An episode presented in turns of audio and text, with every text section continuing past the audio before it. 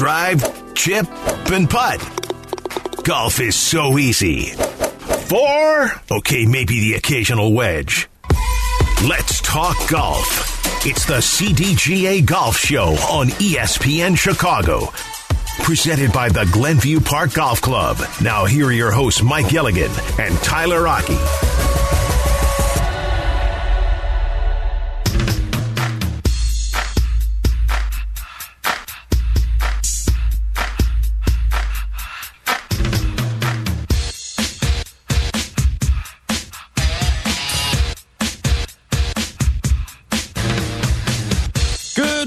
And welcome on in to the CDGA Golf Show here on ESPN 1000. Don't forget, we're also on 100.3 HD2 and you can watch us on Twitch, twitch.tv slash ESPN 1000 Chicago. Also on YouTube, youtube.com. Just search ESPN Chicago. You'll find the CDGA Golf Show. Tyler Rocky, Mike Gilligan. We talk golf with you every single Saturday throughout the golf season, 8 to 10 a.m., right here on ESPN 1000. And it's all brought to you by our great friends over at Glenview Park Golf Club. Tyler Rocky here at the State Street Studios. Mike Gilligan out and about today at beautiful Cog Hill. How's it going out there, Mike?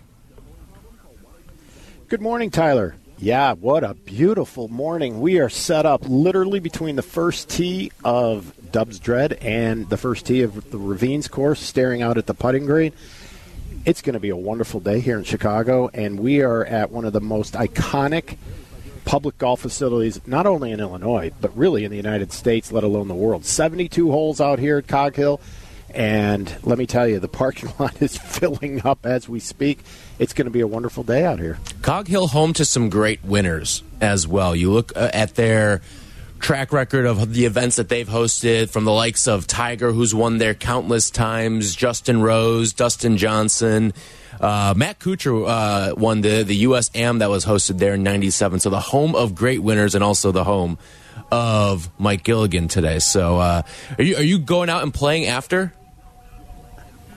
Well, you know, that's part of the benefits of this job at times. We're going to. Will from our office is out here with me, and we're we're looking to squeeze out as soon as this show is over. awesome. Well, I might have So, to yeah, have uh, hopefully. I might have But to have Jake sure. Cantu. It's going to be. I might have to Yeah, have Jake it- do the last be, 15 uh, minutes and get you guys off early. There you go. Hey, that would be uh, that would be actually kind of convenient. But we're not sure which of the four courses. See, that's one of the beauties of Cog Hill. They have a golf course for any ability of any type of individual. I mean, if you are a top, you know, you know, single digit and want the test of all tests, you've got Dubsdread to beat you into the ground. And if you are somewhat of a novice and don't want to get beat up over here on this side of the property on courses two and four, you go over to one and three, and they're they're more set up for uh, for more be the mid higher handicappers. So Cog Hill is really really quite the facility. Not many seventy two hole uh, venues around in the United States anymore. Yeah. All right. Let's take a look at what's been going on this week in golf. The big news is that the European Ryder Cup team, the captains have the captains' picks are finalized now by Luke Donald. So the automatic qualifiers you had Matt Fitzpatrick, Tyrrell Hatton, Viktor Hovland, Robert McIntyre, Rory McIlroy, and Jon Rahm. Those were your auto qualifiers, and then the uh, captains' picks were made. Ludvig Åberg, Tommy Fleetwood, Nicolai Højgaard, Shane Lowry, Justin Rose, and Sepp Straka, the six captains' picks for the Ryder Cup today. Um, when you look at the captains' picks, any surprises, any names that maybe got left off uh, from from Luke Donald? Well, I mean, I think really the biggest European emission potentially was going to be Adrian Meronk from Poland, who's currently ranked 51st in the world. But what Luke Donald ended up doing is he took the hot hand, the young guy, Ludvig Åberg. And Ludvig is, you know, only, I think, 19 or 20 years old. He's going to be among the youngest ever to play in a Ryder Cup match. Ludvig's never played in a major championship. He hasn't played in a British Open, a Masters, a U.S. Open, or a PGA championship. So, in my opinion, Ludvig is going from the frying pan right into the fire without any major, major championship uh, experience with him. But, you know, a situation like that, this could make Ludvig that much a more formidable Ryder Cup player for years and decades to come. but Ryder Cup can also kind of ruin a person mentally if they're not careful. So um, Ludvig was the one that I think was more of the the surprise pick, but I also understand why he did it. I mean the the guy can play. I mean he is unbelievable. He's consistent.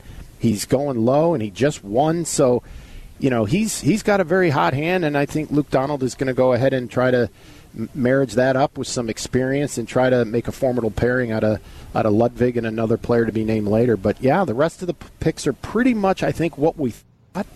You know, and the Sepp Straka is very interesting.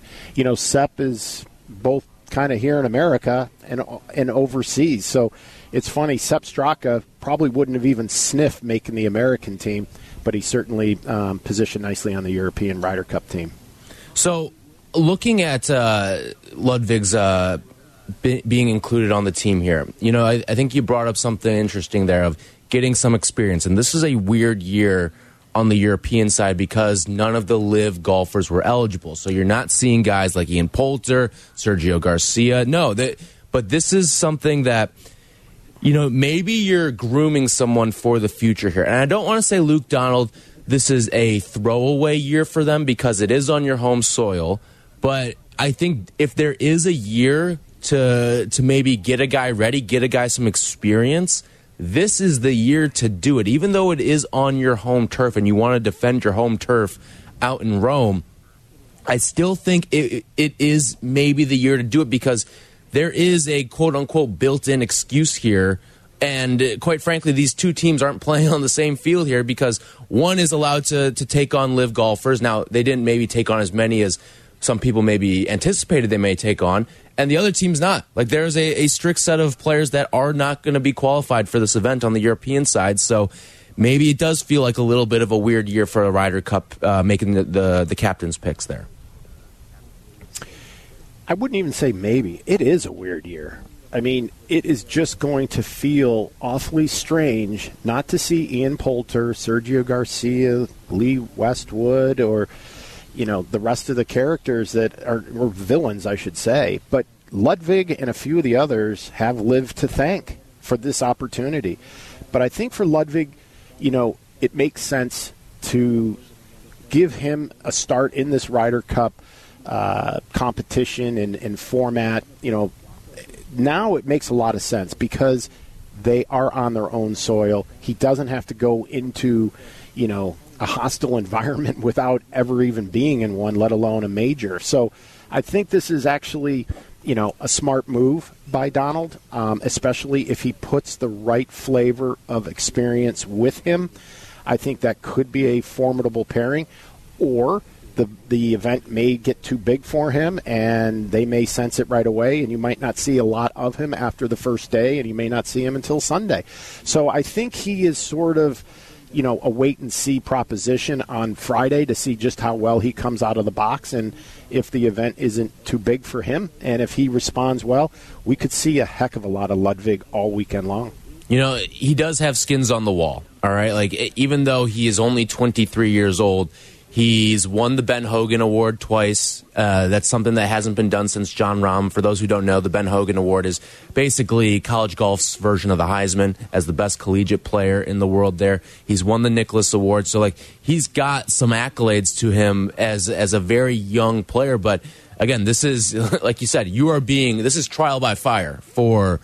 Ludvig Åberg uh, being a member of this of this European Ryder Cup team, so it's going to be a, a quite the test when you look across and you see maybe the the lower rungs of the of the U.S. side, and I mean in terms of guys who and where they performed throughout the regular season and, in, on the PGA Tour this year, like the worst guy on the U.S. Ryder Cup team is Justin Thomas, and if that's who's going head to head with him, I, I really like the Americans' chances.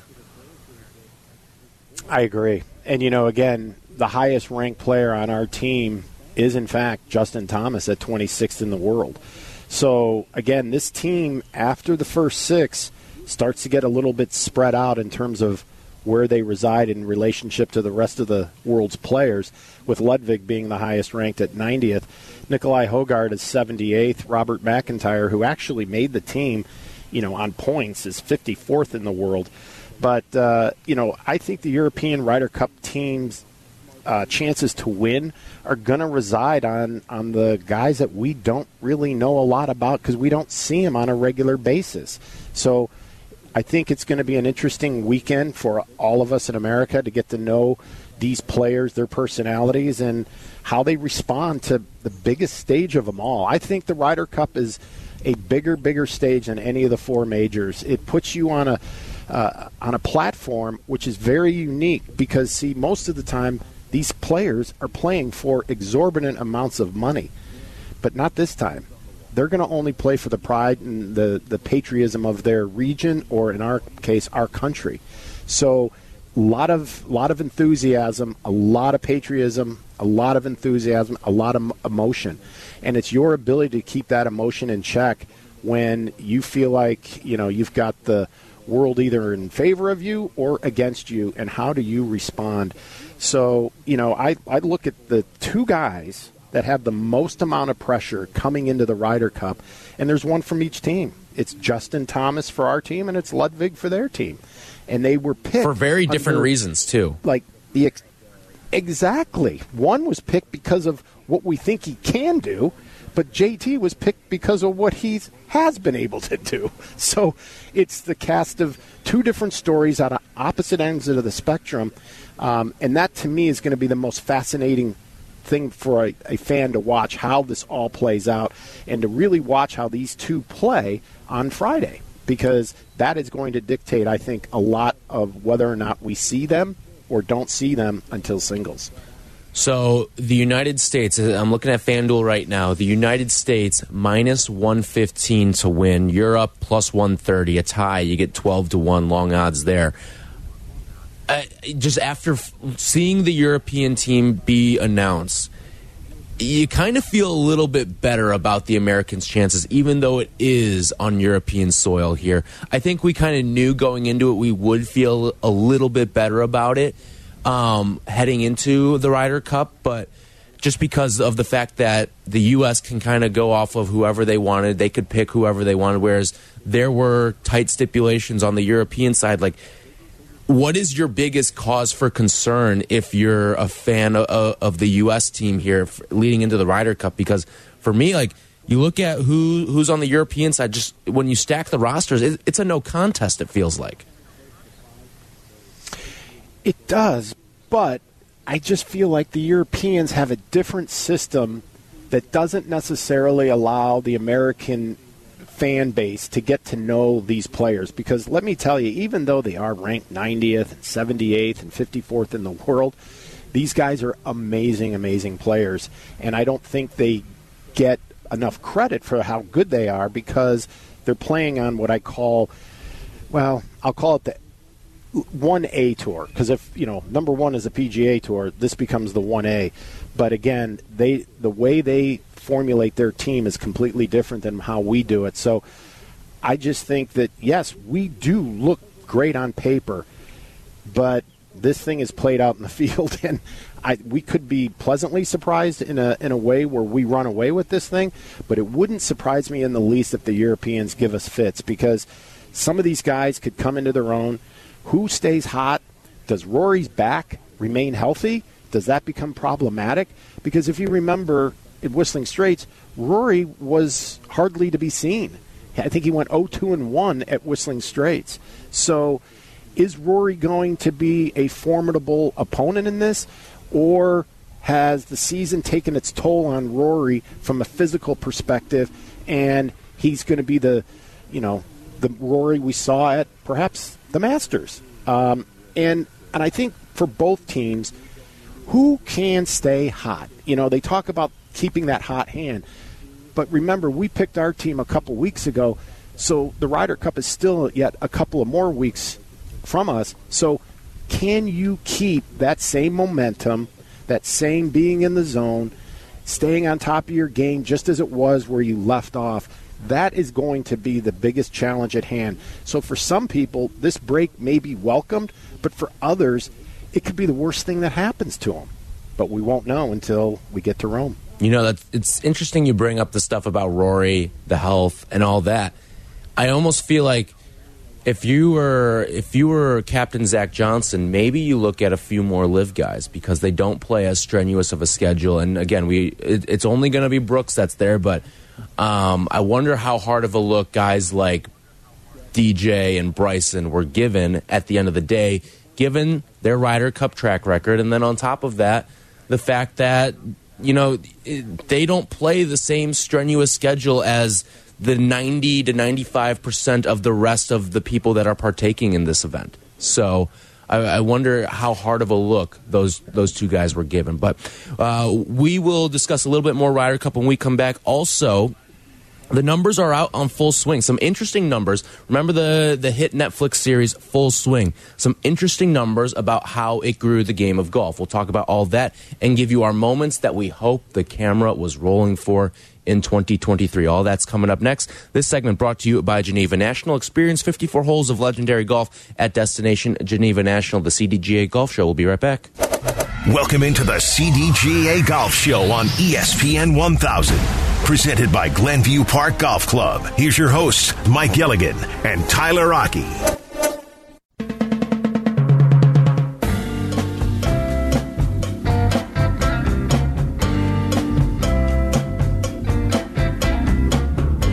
This segment brought to you by Tour Edge. Tyler Rocky, Mike Gilligan with you every single Saturday here on the CDGA Golf Show, 8 to 10 a.m. on ESPN 1000. We talked a lot at the beginning of, I'm, and when I say beginning, I'm talking like back in February, uh, Mike, when we were at the Chicago Golf Show out at Rosemont in the Stephens Convention Center. But we talked a lot about Full Swing and the Netflix series that gave you a behind the scenes look at PGA Tour players and, and uh, just the everyday grind that they had to go through to get ready for tournaments. And it was a really fascinating watch, even for non golf fans, just to get an inside look. It was by the same people who did Drive to Survive, which did an inside look at F1 racing. And then you saw that sport take off with a lot of new. Uh, fans and viewers uh, of the racing, and, and, now it's become such a huge thing. So golf and tennis got their own versions of that, and there were some interesting numbers that you sent along to me. So, among Netflix's full swing viewers, 63% of the viewers say they tuned into PGA coverage in the two months following the debut of Full Swing. So, that was the early stages. So, this was a, came out in February. So, this, we're talking about uh, the March and, and April portions of the PGA Tour there. 11% of viewers say they had not tuned into PGA Tour coverage in the six months leading up to the debut, but tuned in after watching. 42% say they spent more time watching pro golf after watching Full Swing. 36% say they spent more time engaging with pro golf on social media after watching Full Swing. 27% say they spent more time reading pro golf news articles after watching Full Swing. The total audience delivery was up across the board in 2023 with the Golf Channel making the biggest gains.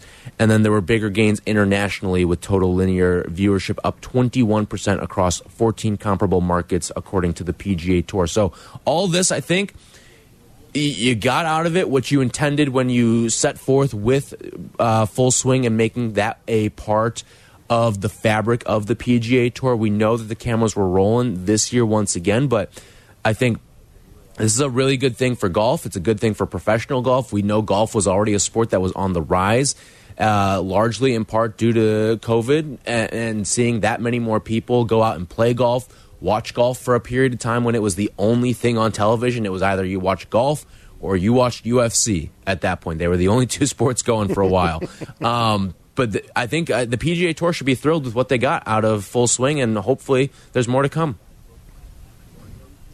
Yeah, and I'm surprised those numbers aren't even bigger. And I want to say they probably are, but uh, I bet they're being a little bit conservative with them. But no doubt, I think this Netflix series they're onto something as far as trying to build and gain further eyeballs and interest, and you know, ultimately more people playing the game of golf. So, I thought it was very, very well done, and the numbers don't lie. So it did educate people who weren't necessarily into the game and got them into the game. And for those that already knew how special this game is, it got them more entrenched. So I can't wait for the next Netflix for sure, or for the next uh, series of Full Swing for sure. So I've got a few events here, and I'm sure you've got some as well from this season on the PGA Tour. Of damn, I hope the cameras were rolling for that. Now we do know the cameras were rolling at the RBC Canadian when the merger was announced, uh, and this is uh, it was one of those big kind of by coincidences. We again, they don't film 365 days a year but it just happened to be one of the select days that they were filming. And so we know that the merger is going to be a part of the next iteration of Full Swing when it's released. I'm assuming it'll also be around February, like it was this past year. Um, but we know it was rolling during the RBC Canadian. I've got a few other events that I, I am hoping we got a good glimpse into. All right. So, one of them I think you have to have and you have to have the entire story of it. And I don't think they went into the event with the story, but if you didn't come out of the event with your story with this story, you weren't doing your job. And that was at the PGA Championship following around Michael Block on that Sunday. No question, and that would have been one that I would have had down. I mean, really, just to follow him as he approached the 15th tee on Sunday, and then take him all the way through 18 and what happened when he walked into the clubhouse thereafter. Mm-hmm. That's what I think would be really, really cool to see. And I'm sure there are different angles and perspectives of the week that Michael Block had.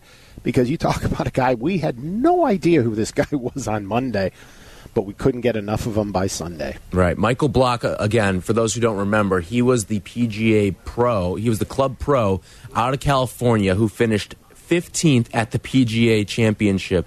Um, so he he has automatically qualified for next year, and then he had the miraculous hole in one. He dunked it. Um, that was slightly spoiled by Jim Nantz, but that's all right. It was a great moment nonetheless. And uh, just following him around, the emotion of everything, and then um, he him going out and playing in the next event as well. It was all a lot to see. A really cool story there. But uh, how about just the PGA Championship in general too? Brooks is your champion there. You got the first LIV guy to win a major. And, and really just following around. I know Brooks got a, a, big piece of the spotlight the last time around, and I don't know how much LIV content we're going to see in the next season of Full Swing. But Brooks, you can't ignore what he did at the Masters, and you can't ignore what he did at the PGA Championship. I think the LIV story cannot be told in this golf season. So you have to put in Brooks, you have to put in the merger. Like there's a lot. You have to put in Phil. You have to put a, a lot of Phil um, from this year, whether it was his runner-up finish at the Masters, whether it was his um, everything that's come out about his gambling over the last year as well. Like there has to be some Phil coverage in here. Whether it's and again, I doubt Phil's a part of the behind the scenes that's following around, but you have to have some of the reaction to other players to Phil because a lot of these guys grew up watching Phil and a lot of these guys maybe learned some things about Phil along the way. Yeah, no doubt. And I think with Phil, I think it's more the player's reaction to learning about what's going on with Phil. But you mentioned Brooks Koepka, and I think it would be interesting to follow Brooks from the back nine and what happened at Augusta to arriving and getting through the PGA Championship. And you know, he won't say exactly what he did, but obviously he played to win and not in a prevent defense when he got to Oak Hill. So he just maintained that kind of uh, um, mindset, if you will, versus what he had at Augusta. But at that, but you bring up the PGA Championship, and I think Net, Netflix in full swing can do at least one show, if not two, all about the PGA Championship because it had so many unique twists and turns to it. Obviously, with the LIV aspect. Um, but you also had the zany. And one of the things I'd love to see is what happened to Tom Kim when he walked into the locker room after falling in the mud. Yeah. I mean, that guy had to be absolutely razzed and barbecued by his friends and colleagues on the tour. So I do think that there are going to be some pretty humorous, um, lighthearted takes, and that would be one I'd really like to see. The other one I'd like to see um, was the reaction to Rory at the uh, you know the WGC Dell Technology Match Play event down in Texas when he drove the ball 375 yards and flew it like 349, and he, you know, hit it to three feet. It may be the tee shot of, you know, the decade, let alone the year.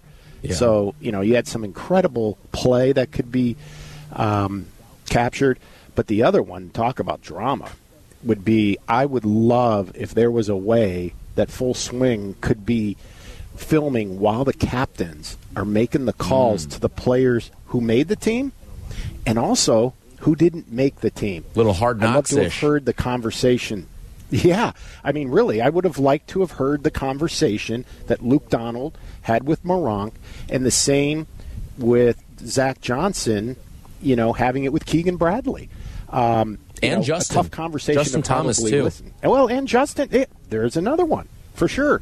So it would have been interesting to see that kind of perspective from behind the scenes, um, and I think it would give us, as you know, viewers, just a, a, a perspective of just how meaningful making a Ryder Cup team is to these guys, and specifically to a guy like Keegan Bradley. And when I think about a guy like Ludvig, for example, it immediately takes me back to is he one of the you know offspring if you will of the tiger factor here's a guy that probably grew up looking at tiger and he, is he going to be the first of what i call a lot of young players coming on the scene because we are now going to start to see the after effects of what tiger has done and generated in the interest of youth a number of years ago, and now they are all starting to come onto the tour. And they're coming on the tour with the same mindset, which is to play fearlessly. So that's why I do fear a guy like Ludvig. But, you know, again, getting back to the Netflix, I think there are an, imme- an immense number of angles, and I think just covering Ludvig alone at the Ryder Cup could be worth something. Well, uh, a couple others I just want to run by you real quick. I think you got to tell the Rickie Fowler story. I think you also have to look at the PGA FedEx Cup playoffs as well. BMWs were fantastic, whether it was Homa's record setting round and then Viktor Hovland following that up. I do think we need a Viktor Hovland episode this time around. The St. Jude as well with Lucas Glover and his story of redemption as well. And then the last one, this is a smaller one, but we know the cameras were rolling at this event. At the RBC Canadian, Nick Taylor winning it with the walk-off eagle against Tommy Fleetwood on that miraculous putt. I feel like you got to have the RBC Canadian champion, uh, one of Canada's own, Nick Taylor, on there too. Absolutely. And that would be, you know, I think the RBC would be a show all in itself. Could do a whole another season. one I would throw back out there. Yeah, it really could be. Um, another guy and a fan favorite, Tony Finau. Mm-hmm. I would love to see because you remember this is a guy who wins in Mexico, and just a matter of a what hour or two thereafter, he's out caddying for his kids playing night golf. Yep. But we gained a perspective of who he was in the first uh, first series. But again, Tony Finau just showing his true colors as the ultimate father and the ultimate player and the ultimate colleague and friend. All right, when we come back, we will talk with James Colgan from golf.com and discuss the Ryder Cup and, and some of the picks that were and weren't made and everything else in the world of golf. We'll do that with James Colgan when we come back. This segment brought to you by Tour Edge, the CDGA Golf Show. We'll be right back. From PGA to where you should play, this is the CDGA Golf Show with Mike Gilligan and Tyler Rocky, presented by Glenview Park Golf Club.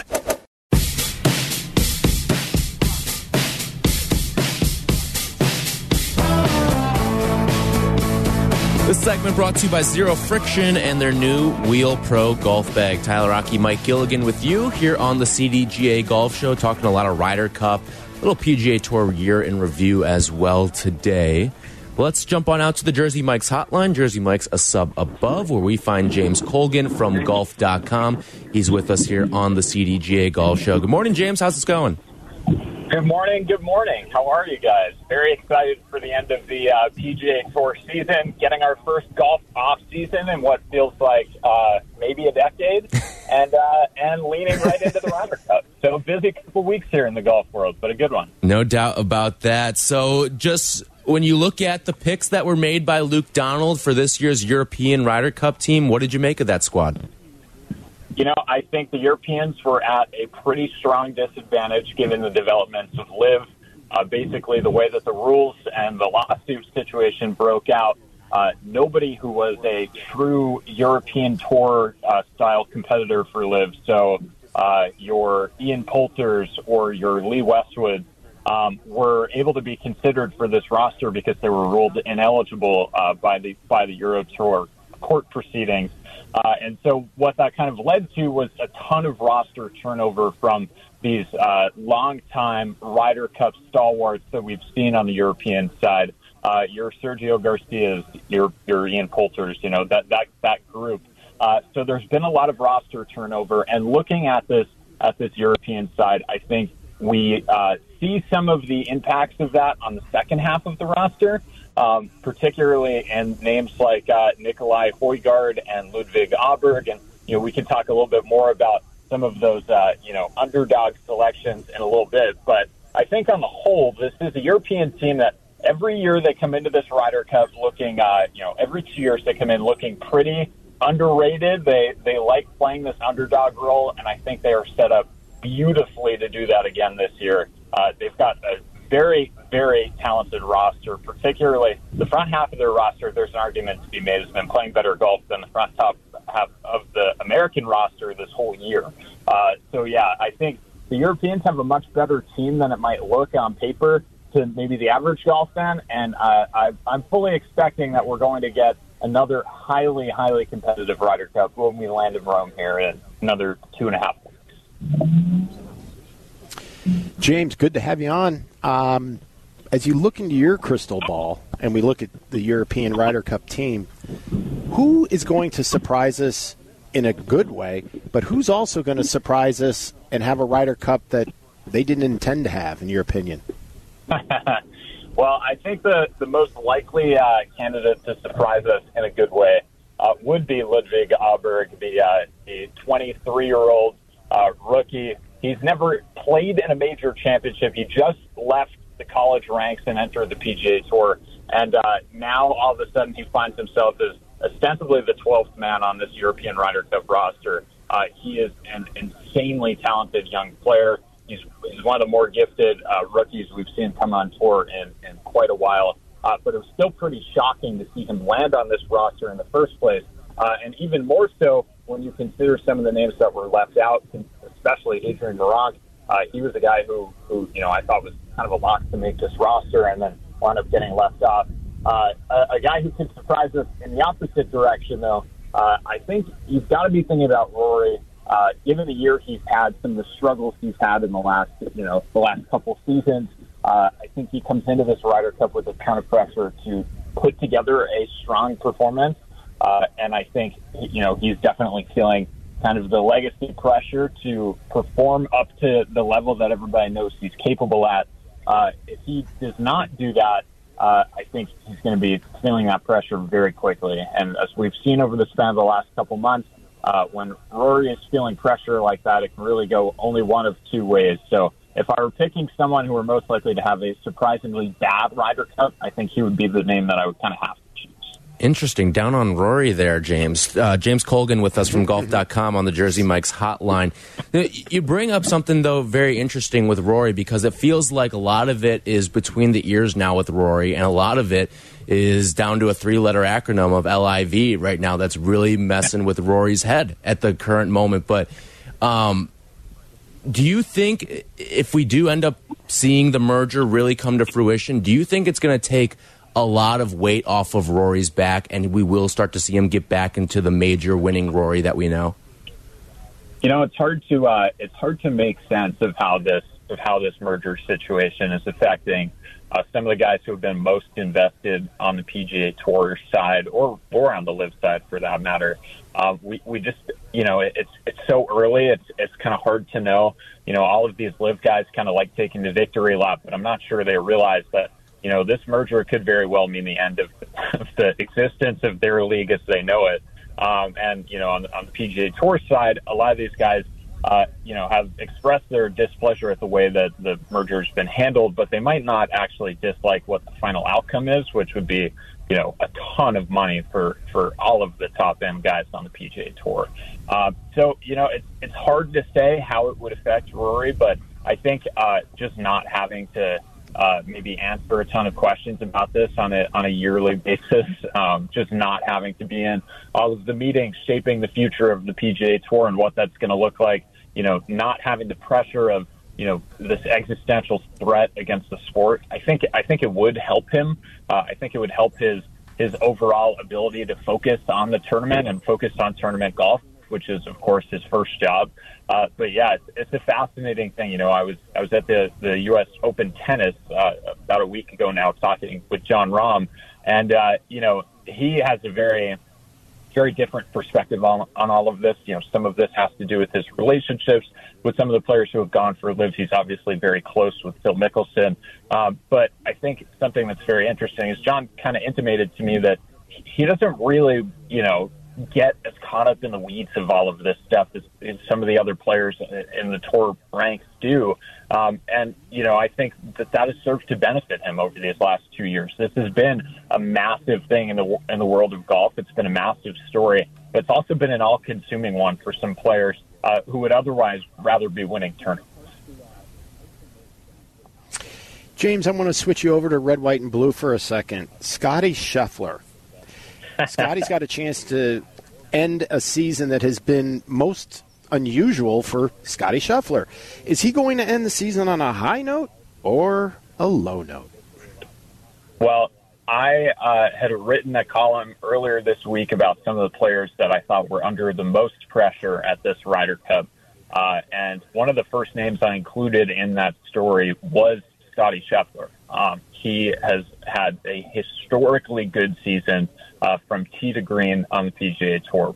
Arguably one of the best in the last 30 years. And as you all know, that that also includes, you know, the Tiger Woods era. So to say you had one of the best seasons in the last 30 years, uh, that's that's a big deal. Um, now, you know, the folks at home are probably wondering if he's had such a good season, why haven't I heard his name more?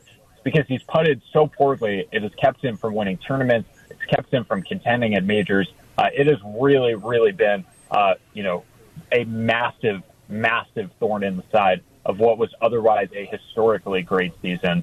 Um, and so I think he enters Rome under a ton of pressure. I, I think he, I think he knows that if he comes away in another week, you know, kind of another losing effort, uh, this season for him will probably be remembered for its disappointments more than its successes.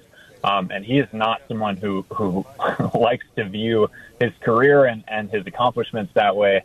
Um, but, you know, he's a competitor and he, he knows what the impact of all of this would be.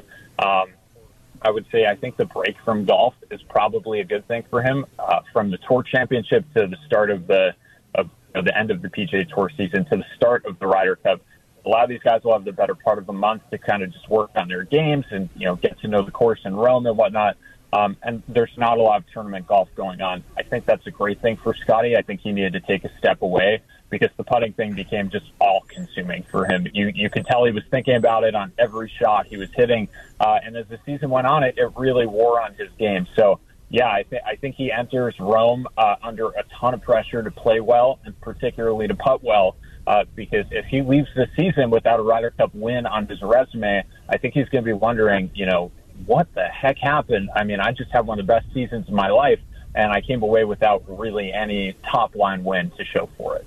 James, before we let you go here, um, based on the intel that you've received, how close were Dustin Johnson and Bryson DeChambeau uh, to being on this team? You know, I think that's something that uh, you know the average golf fan might have been surprised when they saw that that those two guys had not made it on the roster. Uh, I was around both Dustin and Bryson not long before the rosters were finalized, and uh, I didn't get the overwhelming sense from either of them that they were uh, that they were planning on being in Rome. Uh, I think this Ryder Cup roster. I think Brooks was always a lock to be on this team for the U.S. side. Uh, I think he, you know, his performance winning the PGA Championship made him just too good to, to not be on this team. But Dustin Johnson had a couple of majors to kind of make a name for himself, to make his performance known. He played well at the U.S. Open, but not spectacular. And then he missed the cut at the at the British Open. Uh, you know, kind of the same goes for Bryson. He, he played okay at the majors, but nothing spectacular. Uh, and given the fact that you know the LIV competition aspect, you know, it raises questions about about uh, team fit and and availability and all of these things, uh, I don't think they were particularly close to being on the team. I think the real question mark player for the Americans was Justin Thomas all along. And while it seems like uh, you know U.S. captain Zach Johnson kind of had his made up that Justin was going to be on the team, uh, lest we forget, Justin Thomas has not been one of the best 100 golfers in the world over the last six months, uh, and he was picked as one of the 12 best on the American side. Uh, that is ostensibly based on his resume, uh, based on his previous Ryder Cup experience. And I'm sure there are more than a handful of LIV fans out there who are saying, if we're picking players only based on their previous ability, why isn't Dustin Johnson on this team? Because he's been such a successful player over the years. It's a fair argument. Um, I think, you know, there's a little bit more that goes into it. But yeah, I don't think that we got uh, really any sense that these LIV guys outside of Brooks really were in much of consideration at all. And then, real quick, you got 15 seconds here. USA minus 115 or Europe plus 130? All right, call me the Grim Reaper here, but the Europeans haven't lost on European soil in 30 years. I don't think it's starting now. U.S. roster has too many weaknesses in it. Uh, I think the Europeans come out on top, but it's going to be close. It's going to be very close. All right, James rolling with the dog. James, wow. appreciate your time there, wow. and best of luck uh, out. In, you're going to be out in Rome, right? I will be. Yeah, my flight leaves uh, in a couple days here, and I am uh, preparing for a European vacation, and also, you know, to eat plenty of pasta to, to justify my golf course walks each day. All right. Well, enjoy it out there in Rome, and we look forward to checking in with you maybe one more time before uh, we wrap up this season. Have a good one. Cheers, guys. Thanks so Thanks, much. James. James Colgan on the Jersey Mike's hotline. Jersey Mike's a sub above. This segment brought to you by Zero Friction, the most innovative products company in golf. The CDGA Golf Show We'll be right back.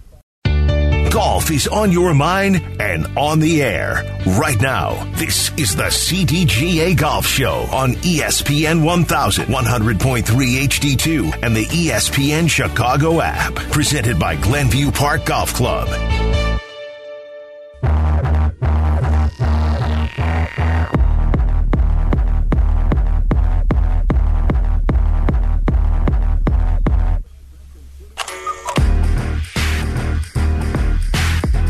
Segment brought to you by Tullymore Resort. Experience a Michigan masterpiece. Tyler Rocky, Mike Gilligan with you. Just wrapped up our conversation with James Colgan. Mike, you surprised at all? He's rolling with the Europeans. I, I, I really am. But you know, if you got to look back at history, sure. But I think our team is better. Yeah, we do maybe have a hole here or two, but I honestly think that um, we are favored for a reason, and we're favored going on their turf. So, uh, you know, but he may know something that we don't, and you know, it, anything can happen in Ryder Cup. I mean, anything, and that's what makes this so unique. They're not playing for any money. And they get more nervous and more uptight and more stressed when they play in this event than they do when they play in the U.S. Open. It's just crazy. All right. It's going to be an interesting Ryder Cup. We'll continue to talk about it next week as well um, and even like a, a few more uh, weeks from now, like th this is going to be one of the most interesting Ryder Cups because of all the different nuances with LIV and everything else. So we'll continue to give you some Ryder Cup thoughts when we come back here on the CDGA Golf Show. This segment brought to you by Tullymore Golf Resort, up North Michigan Golf without the drive.